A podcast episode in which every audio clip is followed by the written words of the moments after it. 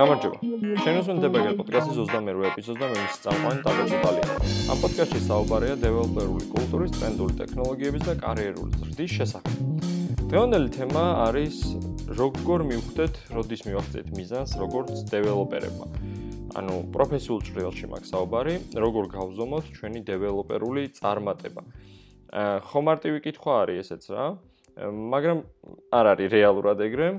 ძალიან რთულია მოვიფიქროთ საზომი, იმიტომ რომ ეს ყველაფერი გადის სუბიექტურ რაღაცაზე და გვჭირდება, ასე ვთქვათ, მრავალი პროფილიდან ამ პრობლემაზე შეხედვა, რათა გამოვარკვიოთ ის ინერცია, ანუ ის ის გზა, საითაც მივდივართ და უფრო დიდ ფართო სურათში დავინახოთ. ასეთი კითხვებისთვის ცალკე კატეგორია მინდა სამომავლოდ გავაკეთო, რომ თუ რა მოგიქვა დამჭირდება რაღაც სახელი კონდეს და ისე მივმართო ხოლმე ასეთ კითხვებს, აი როგორცა, როგორ მივხვდეთ, როდის მივახციეთ მიზანს ან რაღაც ეგეთი, რომ თუ რამე იდეები გაქვთ, გამოუშვით კომენტარში.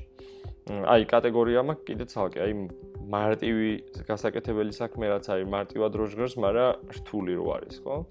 და ხშირად მივმართავ ხოლმე ამ კატეგორიას. ну მოკლედ, რაც არის. როგორც ვამბობ, გვჭირდება საზომი და ათვლის სისტემა. შეგვიძლია ჩამოვაყალიბოთ რამოდენიმე ის ასპექტი, რომელიც დაგვეხმარება, არ ვამბობ, რომ ეს უეჭველი გაზომავს, ანუ იქნება ძლიერი ხელსაწყო და დაგვეხმარება, რომ გამოვარკვიოთ, როგორც მანამდე თქვი, საით მივდივართ. ეს არ არის პირველი თქვა ჩემი მცდელობა რომ რაღაც ასეთი მეთქვა გამეკეთებინა საკმაოდ ცნობილი პრობლემა არის ძალიან ბევრი ეს მეთოდებიც ცნობილი არის. უბრალოდ შევკრიბე რაღაცეები და მინდოდა რომ ჩვენ პროფესიაზე მომერგო რა ხდება რომ გვენახა ჩვენს თავს. კარგი დავიწყოთ. პირველი არის ღირებულებები. შევაფასოთ და გავარკვიოთ ჩვენი ღირებულებები. ანუ ყველაზე მთავარი ეს არის.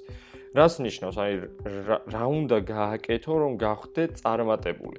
შენ თავთან სად ფიქრობ, რომ მიზანს მიაღწი? აი ეგ ეგ, ანუ მიზანს სად ხედავ? რა არის იზღირებულება? და მე შეიძლება უკვე დაფიქრდე, როგორ შეიძლება აი ამ მიზანს მიაღწიო და ამ მიზნის მიღწევის გზა რომ შევაფასოთ. რომ ეს არის თუ არა სწორი გზა, რითაც მივდივართ და ეს გზა რამდენად სწრაფად მიგვიყვანს მიზნამდე. რა შეიძლება იყოს მიზანი? ანუ არ ვამბობ რომელიმე კონკრეტულ ერთ ინდივიდზე ან ჩემ თავზე, უბრალოდ ჩამოთვლი რამოდენიმეს და აქედან შეიძლება თქვენი აირჩიოთ ან აქედან წახვიდეთ და თქვენი მოიფიქროთ, მოარგოთ თქვენ თავს.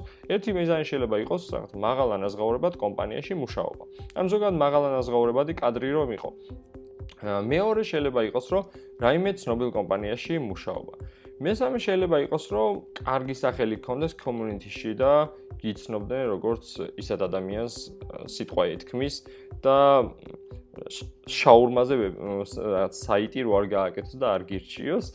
აა ასევე შეიძლება ზოგიერთი მიზანი იყოს, რომ ბევრი freelance პროექტები გქონდეს. ეს ეს ყველაფერი მაგალითად მოვიყვანე და მივხვდით უკვე ისი თქმა წმინდა, აქედან უნდა არჩიო. მეორე არის, ну, გაცვეთილი ფრაზა არის, მაგრამ მართლა ეგრეა. შეჯიბრო უნდა შენ თავს ხოლოდ. ამ შეჯიბრებაში გულისხმობ, რომ შენ თავთან სადღაც კიდევ გაქვს დარჩენილი რესურსი და 100% ზოგადად შენ თავს არ წურავ. ამიტომ შენ გაქვს რაღაცა შესაძლებლობა რომ შენ თავსვე დაუპირისპირდე და გაეჯიბრო სწორედ ამას გულისხმობ სხვასთან გაჯიბრება რაღაცა ცოტა არაზუსტია რადგანაც ძალიან ბევრი სუბიექტურობა არის მაგ შემთხვევაში თუნდაც სხვა რო გაფასებს თუნდაც შენ რო აფასებ მიკერძოების ფაქტორი რასაც გულისხმობ ამიტომ ზუსტი ვერ იქნება. კარგი არის რომ შევხედოთ რეტროსპექტივში ჩვენ თავს და ავიღოთ ის ძირითადი ასპექტები რაც მაშინდელ ჩვენ თავს ქონდა რა მოგწონდა რა არა და ეხანდელი რა შეიცვალა რა გაუმჯობეს და იქნებ რაღაცა დაიკლო და იმ მიზნისკენ სადაც მივდივართ გჭირდება რაღაცეების გადათამაშება. ეს მეორე იყო. მესამე არის იდეა უფრო ვიდრე უშუალოდ ხელსაწყო. გაზომე ის რაც რთული გასაზომია. ყოველ შემთხვევაში ეცადე მაინც. მაგალითისთვის ავიღებ. ყველაფერი ახლა ჩვენ რასაც ვსაუბრობთ ეს არის აბსტრაქტული და რთული გასაზომი არის, ანუ რასაც საუბრობთ, უბრალოდ ამაზე მქონდა საუბარი, რომ უნდა გავზომოთ ის რაც რთული გასაზომია. რაც მარტივია შესაძლებელი და სკალარულ საზომზე ხვდება, მაგალითისთვის ფინანსები, მაგალითისთვის ლაიქები ჩვენ Medium post-ზე. ეს ყველაფერი არის მარტივი. აი მაგალითად ისევ ფინანსები, რო თქვი რომ მარტივი გასაზომია. რა თქმა უნდა მარტივია, იმიტომ რომ ფული გაქან არა. ეგ ეგრეც კი არ დგას დასაკითხი. ყოველთვის გაქვს რაღაცა რიცხვი თანხა ბანკში და ის იქნება 0 ან მისგან განსხვავებული. ანუ ძალიან მარტივია. უნდა მივისწრაფოთ ისეთი რაღაცების გაზომვისკენ, რაც რთულად იზომება. მაგალითისთვის, ცუდი გასაზომი, არა, უფრო რთული გასაზომი არის სტრესი, წარუმატებლობები და მათი გაუმწვევი ფაქტორები. ესენი იზომება რთულად. მეოთხე ახლა არის long term-ში რა შედეგებზეც გავდივართ, ის უნდა გავზომოთ. ესეც ხო თქვი, რომ რთული გასაზომი კატეგორიაა რა, მაგრამ ნახე ცოტა ცოტა ისე რომ დავაკვირდეთ. ცირე პერიოდში წარმატებებს და წარუმატებლობებს დიდ სურათზე რა ეფექტი აქვს, ეგ უნდა შევაფასოთ. ანუ მათი ფარდობა უნდა ვიპოვოთ. მაგალითად, ერთი ბრძნული გამონათქვამი რო ავიღოთ, ერთი შეტაკების მოგება, ომის მოგებას არ ნიშნავს. ერთი წარუმატებლობა ან წარმატება არ ნიშნავს, რომ შენ დიდ სურათზე რაღაც დიდი ეფექტი შეიძლება იქონიოს. თუმცა თუ ეს გადამწყვეტი ის არის უკვე ბოლოსკენ მივიდივარ და იქ წააგე ან მოიგე, მას ექნება სურათი. ამიტომ ამას ვამბობ. ის ეფექტი, რაც ექნება სურათზე, ის ფარდობა ამ კონკრეტულ მოქმედებას რაც დიდ სურათზე უნდა იფოს, ეგ უნდა გავზომოთ. და არა უშუალოდ ის, რომ მაგალითად აი დღეს მე მომემატავ თქვათ 25 ფოლოვერი Instagram-ზე და ეს ეს კარგი, ამას ცოტა ქვემოთ ვისაუბრებ. ანუ 25 ფოლოვერი რო Instagram-ზე მოგემატა, ეგ არ ნიშნავს არაფერს.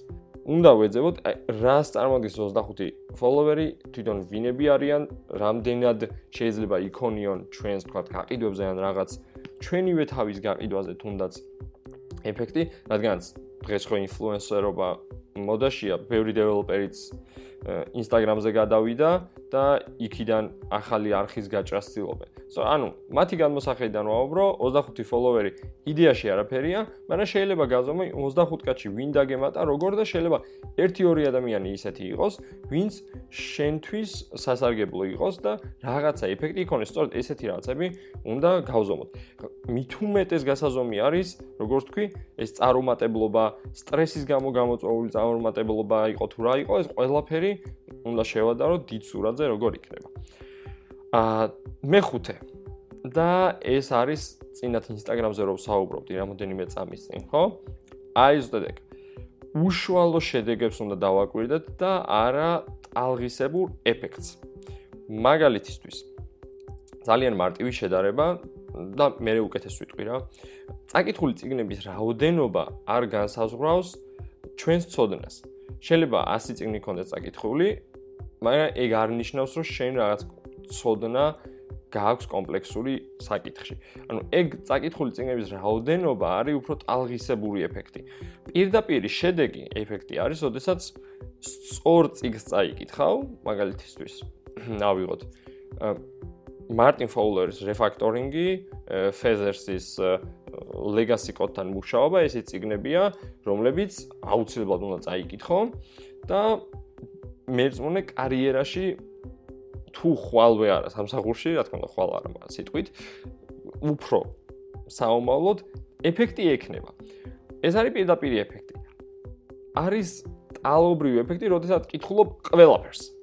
და მათ შორის შეიძლება მოხდეს ფოლერი. კარგი, ეხა უკეთესი მაგალითი აი Instagram-ზე რასაც ვამბობდი. ბევრი ფოლოვერი არის ტალვისებური ეფექტი, მაგრამ აუცილებლად არ ნიშნავს, რომ შენთვის ბიზნესი მუშაობს. მაგალითისთვის, Instagram-ზე რამდენჯერ თქვი ეს მაგალითისთვის? ეს Instagram-ზე ბევრი ფოლოვერი ნიშნავს, რომ შენი მარკეტინგული კამპანია იყო სწორი და მარკეტინგულმა კამპანიამ გაიმარჯვა, მაგრამ არ ნიშნავს, რომ შენი ბიზნესი ძიგივენაერად ხეირობს და წარმატებული არის ბიზნესი.